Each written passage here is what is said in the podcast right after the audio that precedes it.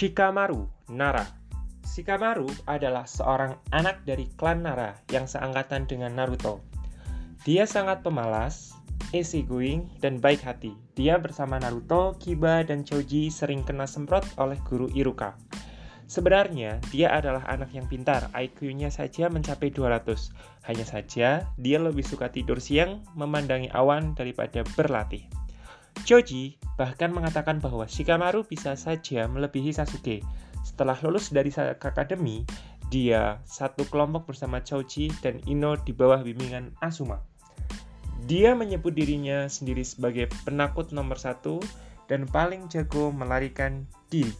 Padahal, dia hanya tidak ingin menggunakan kekuatannya dan malas berurusan dengan orang, apalagi mempertaruhkan sebuah nyawa.